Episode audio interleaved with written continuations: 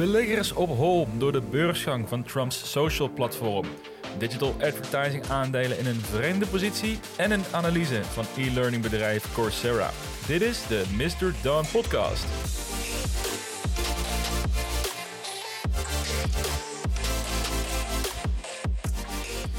Welkom bij de tiende aflevering van dit seizoen. Mijn naam is Jasper en in deze podcast focussen we ons op beleggen in innovatieve groeiaandelen. En we starten deze aflevering zometeen over een van de meest opvallende koersontwikkelingen van de afgelopen maanden. Het social platform, waar voormalig Amerikaans president Trump zijn naam aan heeft verbonden, het zogenaamde Truth Social, komt naar de beurs via een spec merger. Op de dag van de aankondiging plaats ik op Twitter hier al een berichtje over ja, dat, dat dit de potentie had om een compleet waanzinnige vorm aan te nemen. En dat is ook wel gebeurd. Gezien de koers die binnen anderhalve beursdag van 10 dollar naar een hoogtepunt van 175 dollar is gegaan. Maar of dit een reden is om enthousiast te worden over het bedrijf erachter? Mwah, nou, alles behalve. Een leuk onderwerp om zometeen mee af te trappen. Daarna wil ik het hebben over aandelen die actief zijn in de digitale advertentiemarkt. Er komt een grote week aan met onder meer de kwartaalcijfers van Google, Facebook en Twitter. Afgelopen week heeft Snapchat hun resultaten gedeeld, wat heeft geleid tot een brede sell-off van dit soort aandelen. En dat heeft mij wel aan het denken gezet. Want in mijn beleving is deze markt roodgloeiend als je ziet hoeveel geld er gepompt wordt in digitale advertenties. Tegelijkertijd komt het nieuws naar buiten dat PayPal een overname van Pinterest overweegt. Oftewel, in dit domein gaat ontzettend veel gebeuren in de komende weken. Er komen waarschijnlijk veel beleggingskansen aan, dus een perfect moment om hierbij stil te staan. En zoals gebruikelijk volgt in het tweede deel van deze aflevering de aandeelanalyse. En deze week staat het e-learning platform Coursera in de spotlight. En dit bedrijf is in april naar de beurs gekomen ja, en kent qua koersontwikkeling nogal wat ups en downs, zoals gebruikelijk is bij een nieuwe IPO.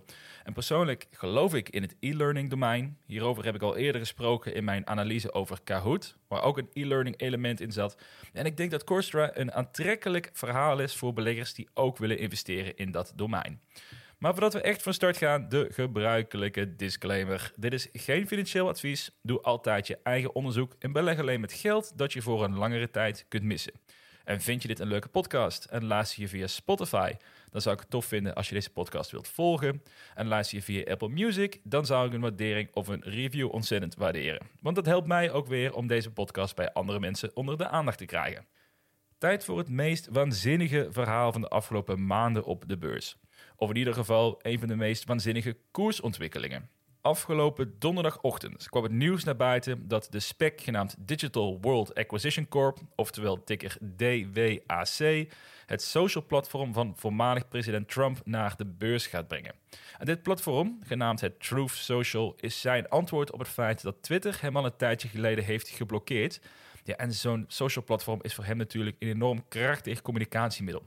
Sinds het nieuws naar buiten kwam op donderdagochtend plaatste ik een tweet dat als er één spec is die meme-potentie heeft, ja, dan is dit het. En daarmee bedoel ik dat de spec een enorme aandacht kan krijgen van speculatieve beleggers, omdat gecombineerd met een grote schare aan Trump-aanhangers, ja, dat de koers wel eens volledig zou kunnen gaan doorslaan. Maar dat de koers in anderhalve beursdag bijna 17 keer in prijs zou toenemen, ja, dat had ik echt niet kunnen voorspellen. De donderdag was al een waanzinnige dag, waarbij de koers van 10 dollar uiteindelijk de dag afsloot op zo'n 45 dollar. En de verwachting was dat de dag erna de storm een beetje zou gaan liggen en speculeerders hun winst zouden pakken. Maar schijnbaar is de aantrekkingskracht van Trump nog steeds ontzettend sterk. De dag erna opent het aandeel namelijk op 120 dollar om uiteindelijk naar een hoogtepunt te gaan van 175 dollar. En uiteindelijk sloot de koers de dag af op 94 dollar. Nou, veel plezier qua traden had je sowieso niet in de eerste uren op vrijdag. Want omdat de koers zo hard op en neer ging, ging het aandeel continu op slot via een zogeheten circuit breaker. En dat is een automatisch mechanisme die moet helpen om extreme volatiliteit op de beurs te beperken. Door het handelen in een aandeel een tijdje stop te zetten. Noem het even een afkoelingsperiode. En iedere keer als het aandeel weer ontdooide, ging het weer 20% of meer een bepaalde kant op en ging het weer in de ijskast. Waanzinnige tafereelen om te zien. Het past helemaal in het plaatje van 2020, 2021 op de beurs. Maar ja, tenzij je heel erg van gokken houdt, zou ik hier mijn vingers niet aan willen branden. Want onderaan de streep, er zit nog steeds een bedrijf achter waar je een aandeel in koopt. Mocht je de overtuiging hebben dat Truth Social ooit een groot bedrijf kan worden, ja, en je ziet dit als een investering en niet als een speculatieve trade, dan zou ik je toch aanraden om hier heel goed over na te denken of dit een bedrijf is die jouw zuurverdiende geld verdient. En dat staat helemaal los van politieke redenen, want daar wil ik juist graag vandaan blijven met deze podcast. Maar er zijn wel een paar overduidelijke rode vlaggen te merken. Allereerst, Trump heeft niet bepaald een lekker cv als het gaat om het succesvol maken van bedrijven. Als je googelt naar Trump University, dat is ook een initiatief waar hij zijn naam aan verleende. Een beetje vergelijkbaar met hoe ze nu Truth Social hebben opgebouwd. Ja, dat is slechts het tipje van de ijsberg. Daarnaast is de code waarop het platform is gebouwd gebaseerd op het open source social networking tool genaamd Mastodon. En dit mag vrij gebruikt worden, mits alle code en veranderingen eraan openbaar gedeeld worden met iedereen. En dat is vooralsnog niet gebeurd. En de vraag is ook of dat gaat gebeuren. Wat kan betekenen dat over één maand het platform alweer gesloten zou kunnen worden. Tegelijkertijd is het bizar te denken dat je een concurrent kunt worden van een Twitter, een Facebook of een Instagram. Hè, social netwerken waar duizenden slimme engineers jaren aan hebben gewerkt. Ja, door het gebruiken van een open source tool waarbij de code openbaar beschikbaar van is. En dat lijkt mij geen lekkere start voor het bouwen van een veilig social platform. Afijn, dat zijn twee redenen, maar als je de investor presentation doorleest, ja, daar kom je nog wel vijf of zes tegen zonder te veel moeite. Dus in mijn ogen is dit alles behalve een investering, maar ja, wel iets waar de vroege vogel een slimme speculatieve zet mee heeft kunnen doen. Een leuk verhaal om te volgen, maar wel vanaf de zijlijn.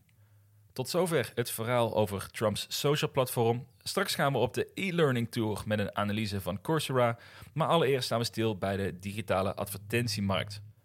Want hier gaat de komende periode veel in gebeuren. Dus een kans voor de voorbereide beleggers. Het earningsseizoen is namelijk begonnen. En komende week wordt meteen een hele belangrijke voor het overal sentiment van de beurs. En specifiek voor tech-aandelen. Een aantal van de grootste bedrijven presenteren hun resultaten van het afgelopen kwartaal.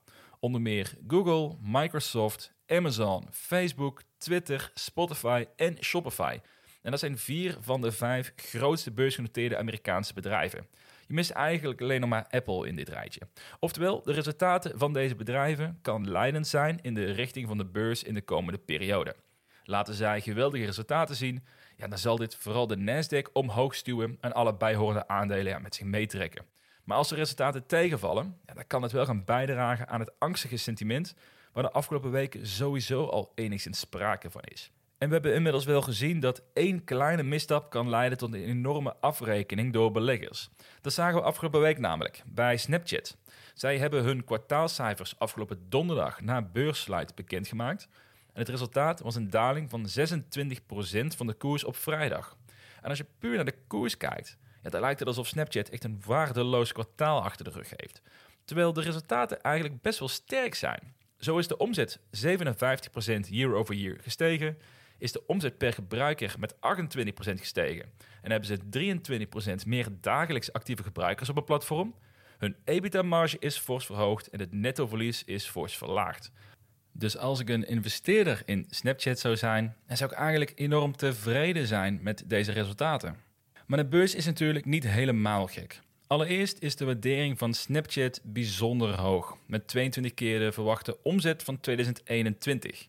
Ter vergelijk, Pinterest is 16 keer de huidige omzet.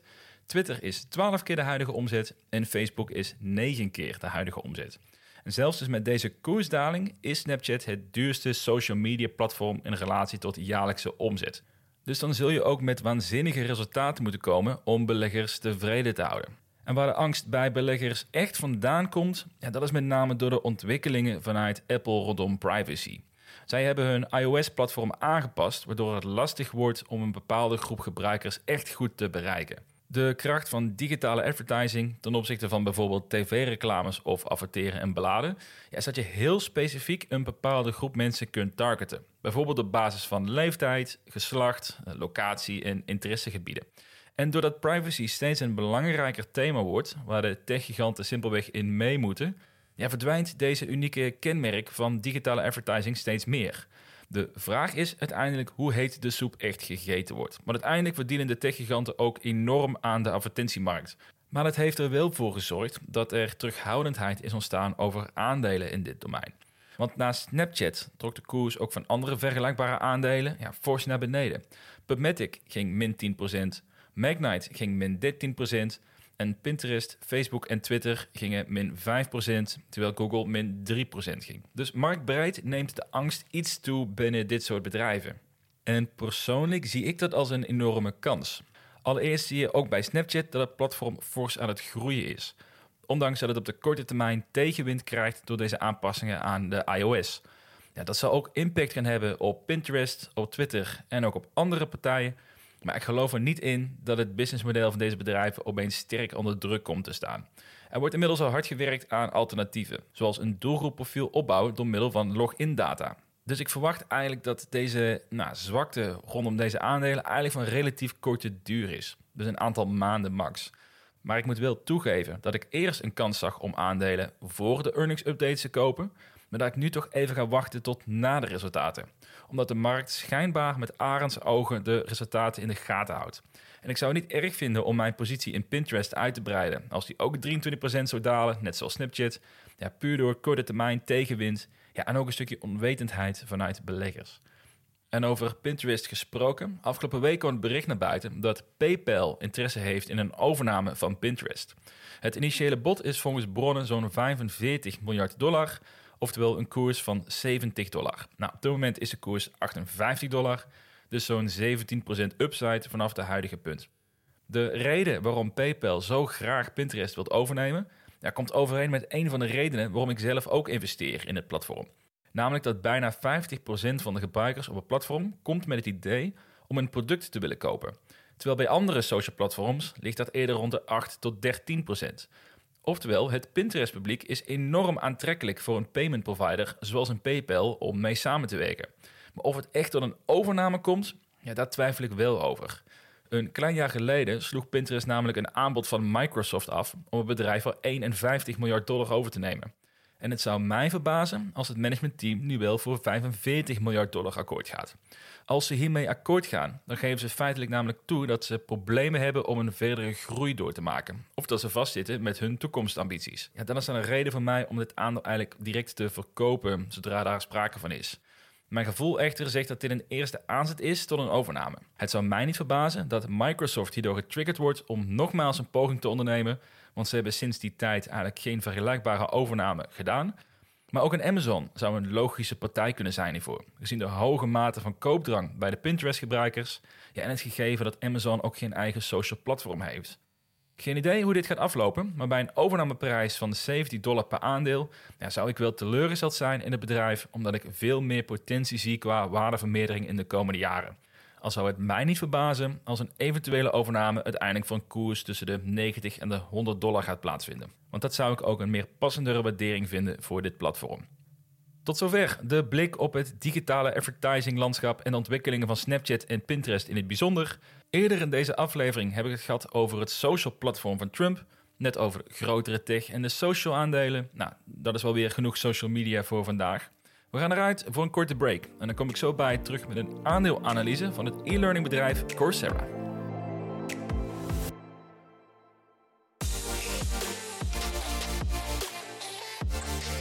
Het is tijd voor de aandeelanalyse van deze week. Laatst las ik een onderzoek over welke banen in de komende jaren ontzettend veel gevraagd zullen gaan worden. En los van praktische beroepen, zoals loodgieters en elektriciens, waar sowieso al een tekort aan is, ja, ligt de vraag bij bedrijven in de toekomst vooral bij digitale skills.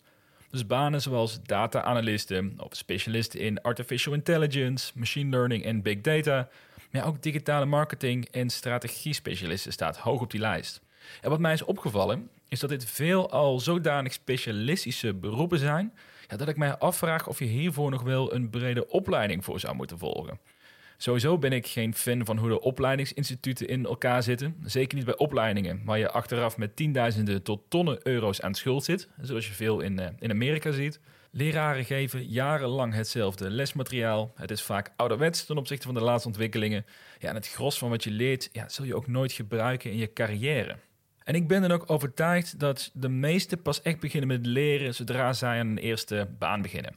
Of dat je een hele specifieke opleiding of cursus volgt waarmee je zelf aan de slag gaat. Wat mij betreft is deze markt dan ook toe aan disruptie. Want de investering qua tijd en geld die het vraagt, ja, dat kan in mijn ogen veel efficiënter. En in dat kader geloof ik sterk in de opkomst van e-learning.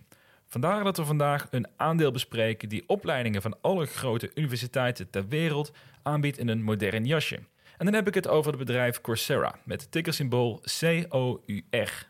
Zoals gebruikelijk ga ik je vertellen wat Coursera doet en wat hen bijzonder maakt, hoe hun omzet en de groei eruit ziet. We hebben een blik op de huidige waardering en sluit ik af met een bear en een bullish case. Om dan uiteindelijk de vraag te beantwoorden: is Coursera waardig om de titel van gouden aandeel te krijgen? Nou, wat doet Coursera eigenlijk? De missie van Coursera is dat iedereen ter wereld toegang moet hebben tot uitstekend onderwijs, ongeacht waar je geboren bent of je financiële mogelijkheden. Het bedrijf is gestart in 2012 door Daphne Koller en Andrew Enge. En inmiddels is het bedrijf ontwikkeld naar een platform waar je online cursussen kunt volgen, ja, tot zelfs volledige opleidingen vanuit universiteiten of bedrijven, nou, inclusief een officieel papiertje die je daarbij krijgt. En bij Coursera hebben momenteel 87 miljoen mensen een account.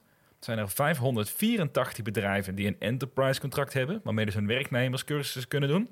En zijn er meer dan 200 opleidingsinstituten en kennispartners aangesloten op het platform die daar hun cursussen en hun opleidingen aanbieden. Nou, hoe ziet hun businessmodel er dan uit? Coursera maakt onderscheid in drie type segmenten. Je hebt consumer, enterprise en degrees. Om te starten met de consumer tak, wat het grootste deel van de omzet voor zijn rekening neemt. Dit is gericht op de individu die graag gratis video's van lesmateriaal wil kijken ja, of een officieel certificaat wilt halen. En in dat geval stel je voor dat je nou graag als een data scientist aan de bak zou willen, dan kan je via Coursera ervoor kiezen om een cursus te volgen via IBM of via Google. Dat zijn even twee opties die heel snel opkwamen. En die zorgt ervoor dat ze jou klaarstomen voor een instapbaan als een junior data analyst of als data scientist. Ja, bij praktisch alle bedrijven die met data te maken hebben. En normaal gesproken zou dit onderdeel zijn van een vierjarige opleiding waar je jaarlijks een paar duizend euro aan studiegeld voor betaalt. En in dit geval duurt de cursus 6 maanden, à 10 uur per week, voor een bedrag van 39 dollar per maand. En als je slaagt, dan krijg je ook een officieel certificaat van Google of van IBM. En daarmee kom je bij de meeste bedrijven echt wel binnen. Dus je kunt in relatief korte tijd en voor weinig geld, terwijl je nog een baan ernaast hebt, jezelf gereed maken voor een nieuw carrièrepad. En dat gaat, wat mij betreft, de manier waarop we met educatie bezig zijn, enorm veranderen in de komende jaren. Zeker nu we meer eraan gewend zijn geraakt om vanuit huis te werken en te studeren. Maar bij Coursera kan je praktisch alle beroepen in de kenniseconomie ja, wel iets vinden om jou vooruit te helpen. Inmiddels zijn er dus 87 miljoen mensen die gebruik maken van het consumeraanbod, waarvan 5 miljoen nieuwe gebruikers in het afgelopen kwartaal. Het enterprise-model is er voor bedrijven die hun werknemers een omgeving willen bieden om zichzelf te kunnen ontwikkelen. Dus bedrijven sluiten een contract af voor een x aantal licenties, waarmee werknemers toegang krijgen tot lesmateriaal en cursussen, zonder dat hier overigens een diploma voor gehaald kan worden. Dus er zijn echt wel kortere cursussen, geen volledige opleidingen, ja, wat op zich ook wel begrijpelijk is vanuit bedrijfsgedachten, omdat het nogal een impact maakt als een werknemer besluit om een volledige opleiding te gaan volgen via Coursera. Het afgelopen jaar is het aantal betalende enterprise klanten ruim verdubbeld naar inmiddels 584 bedrijven die een contract hebben met Coursera. Het derde verdienmodel, dat zijn de degrees, oftewel de diploma's. Dit zijn de universiteiten die aangesloten zijn bij Coursera, die hun opleidingen online aanbieden via het platform en daarvoor een percentage van de opleidingsvergoeding afdragen weer aan het bedrijf. Ja, in principe maken zij enkel gebruik van de techniek van het platform om een eigen opleiding aan te bieden inmiddels maken hier bijna 15.000 studenten gebruik van. En financieel is het heel interessant, omdat Coursera hier 100% bruto marges op maakt, omdat zij enkel hun platform ter beschikking hoeven te stellen. En de opleidingsinstellingen, ja, die doen verder het werk. Dus dat is even een snel overzicht over wat Coursera doet. Ze zijn perfect voorbereid op de verdere groei van het e-learning domein. En op basis van het rapport van Reportlinker was de markt in 2020 zo'n 250 miljard dollar waard met een verwachte groei naar 457 miljard dollar in 2026. En dat is een enorme markt, waardoor de pandemie een stevige duw in de rug heeft gekregen. En de adresseerbare markt van Coursera is dus gigantisch. Hiervoor hebben ze wel een aantal concurrenten, zoals de beursgenoteerde 2U en Kahoot en het aanstaande beursgenoteerde Udemy. En hier ga ik verderop in de aflevering bij de waardering ook nog een korte blik op werpen. Nou, vergeleken met deze andere bedrijven is Coursera wel de grootste op gebied van academische opleidingen en cursussen van aanstaande universiteiten en bedrijven. Terwijl anderen zich meer richten op cursussen die ook door particulieren gemaakt kunnen worden. Dus als ik bijvoorbeeld een cursus over beleggen zou willen starten, wat zeker niet de bedoeling is, dan zou ik het eerder doen bij een Udemy dan bij een Coursera, want die geven mij daar niet de mogelijkheid voor. Dan nog een korte blik op het managementteam. Van de eerder genoemde oprichters is Daphne Koller er niet meer bij sinds 2019. Zij heeft een nieuwe start-up gebouwd in het medische veld. En Andrew Enge is wel nog betrokken, al dan niet meer in een passievere rol als voorzitter van de raad van het bestuur. Dit bedrijf wordt dus helaas niet meer bestuurd door de oorspronkelijke oprichters. De huidige CEO is Jeff Magonikalda, als ik het goed uitspreek. En hij is sinds 2017 werkzaam bij het bedrijf en had meteen een lastige opdracht om een reorganisatie op poten te zetten in 2018. Je merkt wel dat dat wat voeten in de aarde had als je de reviews leest op Glassdoor en op Indeed.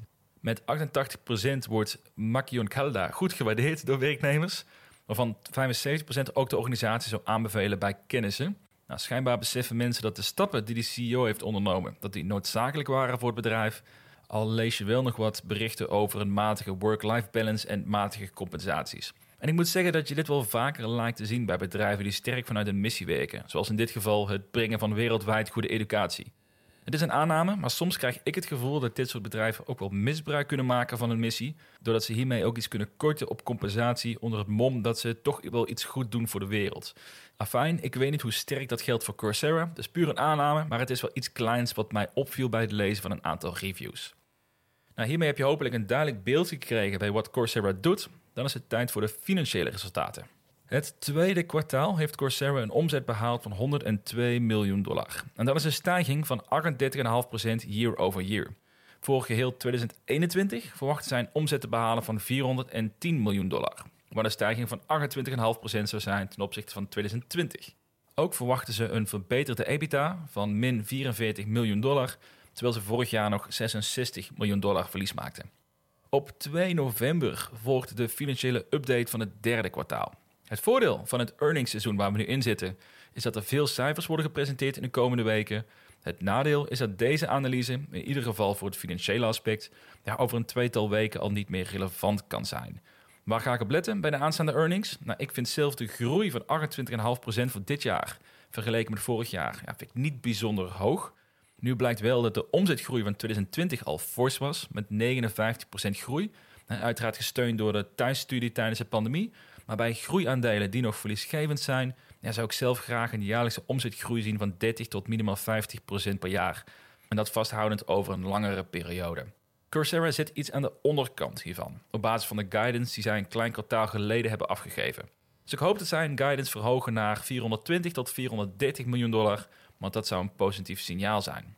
Tijdens de Q2-update heeft Coursera overigens de markt verrast door met goede omzetresultaten te komen en een verhoging van de guidance. En dit zorgde voor een tijdelijke stijging van de koers van 22%. Dus schijnbaar is er ruimte in hun eigen verwachtingen om de markt mee te kunnen verrassen. Als we kijken naar de marges, dan heeft Coursera overal over de drie verdienmodellen heen een bruto marge van 61%. En deze marge is in het afgelopen kwartaal met een paar procent toegenomen, met name in hun grootste consumer segment. Dus dat is een goed teken. Al is het bedrijf wel nog steeds verliesgevend. In Q2 hebben ze 46 miljoen dollar verlies gemaakt. Hiervan is het grootste deel wel gekoppeld aan de beursgang van het bedrijf. En gezien de verwachte EBITDA voor 2021, ja, ben ik benieuwd of dit betekent dat zij in Q4 zwarte cijfers mogen gaan schrijven. Ja, of dat de kosten voor het versnellen van de groei nog meer gaan toenemen. Qua financiële gezondheid zit het bedrijf wel in een goede positie. Ze beschikken over 953 miljoen dollar aan assets, waarvan 750 miljoen dollar in kas. Daartegenover staat 198 miljoen dollar aan liabilities. Dus qua schuldenlast is dat helemaal prima. Hiermee kunnen ze de komende kwartalen blijven investeren in verdere groei zonder nieuw kapitaal aan te hoeven trekken. En er lijkt meer dan genoeg tijd om richting winstgevendheid toe te werken. En we zullen straks zien dat dat ook een hele belangrijke vraag gaat zijn bij het analyseren van dit aandeel. Nou, tot zover de financiële cijfers. Kort samenvattend tot nu toe. We hebben hiermee te maken met een sterk bedrijf in het e-learning domein, wat aansluit bij waar de maatschappij zich steeds meer naar toe verschuift en waar disruptie ook absoluut op de loer ligt. Het bedrijf maakt een aardige groei door. Ik zou daar graag iets meer in willen zien. Het is nog niet winstgevend, maar het heeft wel de financiële stabiliteit voor de aankomende jaren. Dus tijd om een blik te werpen op de waardering. Bij de huidige koers van 33 dollar is het bedrijf gewaardeerd op 4,6 miljard dollar. En dat is ongeveer dezelfde waardering als sinds de IPO van afgelopen maart.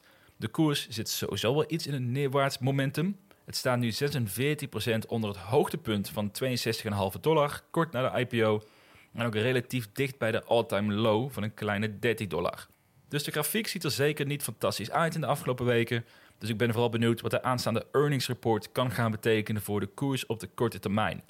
Maar goed, we kijken natuurlijk vooral naar wat het bedrijf ook intrinsiek waard is en wat het in de toekomst waard kan worden.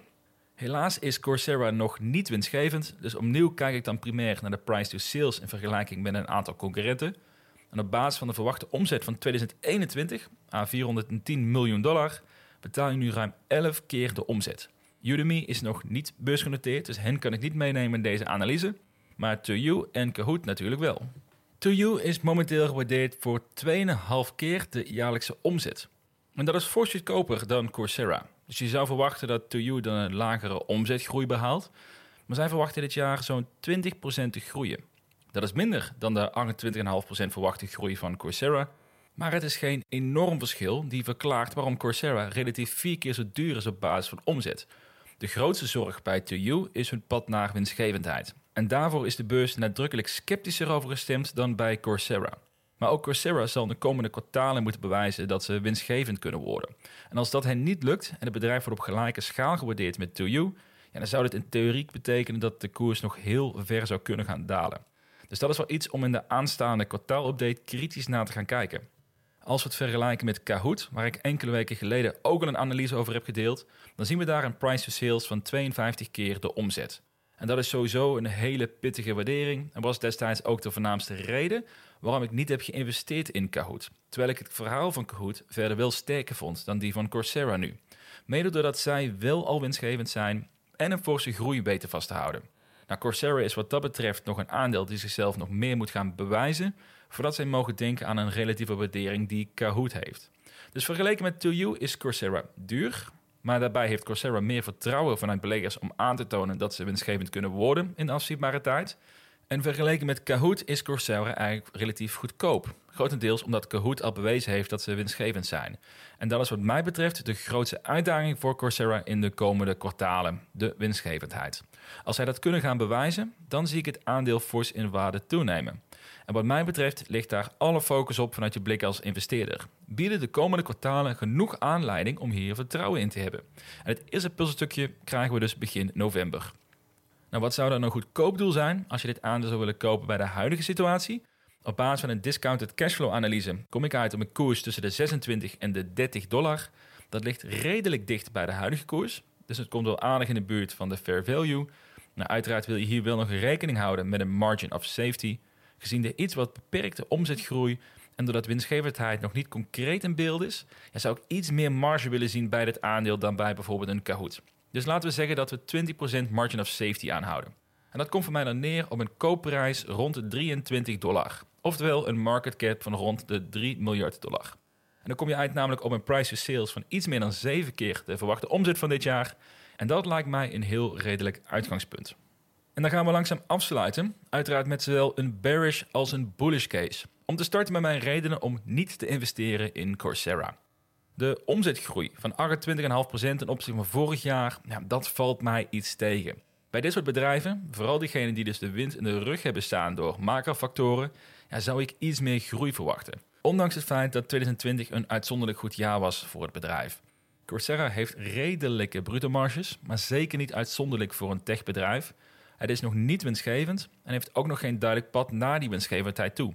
Tegelijkertijd zien we dat andere e-learning bedrijven, zoals ToYou en volgens sommige bronnen ook Udemy, ja, dat ze moeite hebben om die stap naar winstgevendheid te maken. En dat zorgt ervoor dat ik meer zekerheid nodig heb en dus een lagere waardering verwacht om in te willen stappen. op basis van de huidige cijfers vind ik een waardering van 4,6 miljoen dollar dan ook te hoog. En dat lijkt de beurs ook te zeggen, want de koers zit eigenlijk al sinds kort na de IPO in een neerwaartse spiraal. En dat mag dan voor een lange termijn investeerder niet veel uitmaken, maar dat betekent wel dat ik geen haast hoef te maken om nu een positie te openen, totdat blijkt uit de komende kwartaalverslagen dat de omzetgroei hoger wordt dan tijdens een Q2-verslag is gedeeld, plus dat het pad naar winstgevendheid veel helderder is geworden. Er zijn ook redenen om wel enthousiast te worden om te investeren in Coursera. Want het e-learning domein dat groeit ontzettend hard. En Coursera staat aan de absolute top qua platformen die academische cursussen en opleidingen mogelijk maken voor iedereen. Je kunt vandaag nog starten aan een opleiding bij een hoog aangeschreven universiteit of een cursus bij een Google bijvoorbeeld, waar je bij de afronding ervan ook een officieel certificaat krijgt. En je kunt je afvragen hoe opleidingsinstellingen nog overeind kunnen blijven de komende jaren als dit meer tractie zal gaan krijgen. Persoonlijk zou ik er absoluut voor kiezen om een opleiding te doen via Coursera, dan zelf een opleiding bij bijvoorbeeld een LOE te starten. En de markt groeit de komende jaren enorm met een verwachte grootte van 457 miljard dollar in 2026, ja, waardoor het internationale karakter van het platform ja, ook als hun adresseerbare markt gerekend mag worden. Dus mijn eindconclusie is dat Coursera op veel gebieden de wind in de zeilen heeft staan. Eigenlijk staan er twee vragen centraal. Allereerst krijgt Coursera het voor elkaar om winstgevend te worden, of in ieder geval aan te tonen dat er een duidelijk pad naar winstgevendheid is. Dat hebben zij zelf in de hand. En gaat Coursera en e-learning inderdaad de disruptie veroorzaken in het educatiesysteem zoals wij die nu gewend zijn. Dat meer mensen hun opleiding gaan volgen op deze manier. En als beide vragen positief beantwoord worden, dan denk ik dat je met Coursera een sterke investering doet. En gezien de positieve resultaten die zij tijdens de Q2-presentatie met zich meebrachten qua hogere omzet en guidance, ja, zou een vergelijkbaar bericht in de aanstaande kwartaalpresentatie ook weer kunnen zorgen voor een forse stijging in de koers. Maar bij dit soort bedrijven ben je vaak slechts één goed earnings support vandaan bij een blijvende stijging van de waardering. En als het pad naar winstgevendheid laten zien en de omzet stijgt meer dan verwacht, ja, zou dit aandeel best wel 20 tot 40 procent kunnen stijgen in een korte tijd. Dus aan jou de vraag, in hoeverre vertrouw jij op dat scenario na het doen van je eigen onderzoek? Omdat ik vooralsnog de omzetgroei beperkt vind en dus het pad naar het winstgevendheid nog moet zien, ja, vind ik het vooralsnog geen gouden aandeel. En als ik zou moeten kiezen tussen Coursera en Kahoot, dan zou ik toch kiezen voor Kahoot, ondanks de hogere waardering op dit moment. Maar dat Coursera de potentie heeft om een enorme klapper te maken als zij de voorgaande twee punten kunnen aantonen, als de absolute leider in academische e-learning cursussen en opleidingen, ja, daar geloof ik wel in. Dus ik blijf dit aandeel zeker volgen. En ik schat de kans ook behoorlijk groot in dat Coursera mij de komende kwartalen zou kunnen gaan verbazen. Tot dusver deze aflevering. Luister je via Apple Music, dan doe je mij een plezier om een waardering of een review achter te laten. Vind je het tof om uit te dragen dat je een investeerder bent? Dan kan je de toffe Investor Snapcap bestellen via mrdon.nl. Voor nu bedankt voor het luisteren en graag tot de volgende week.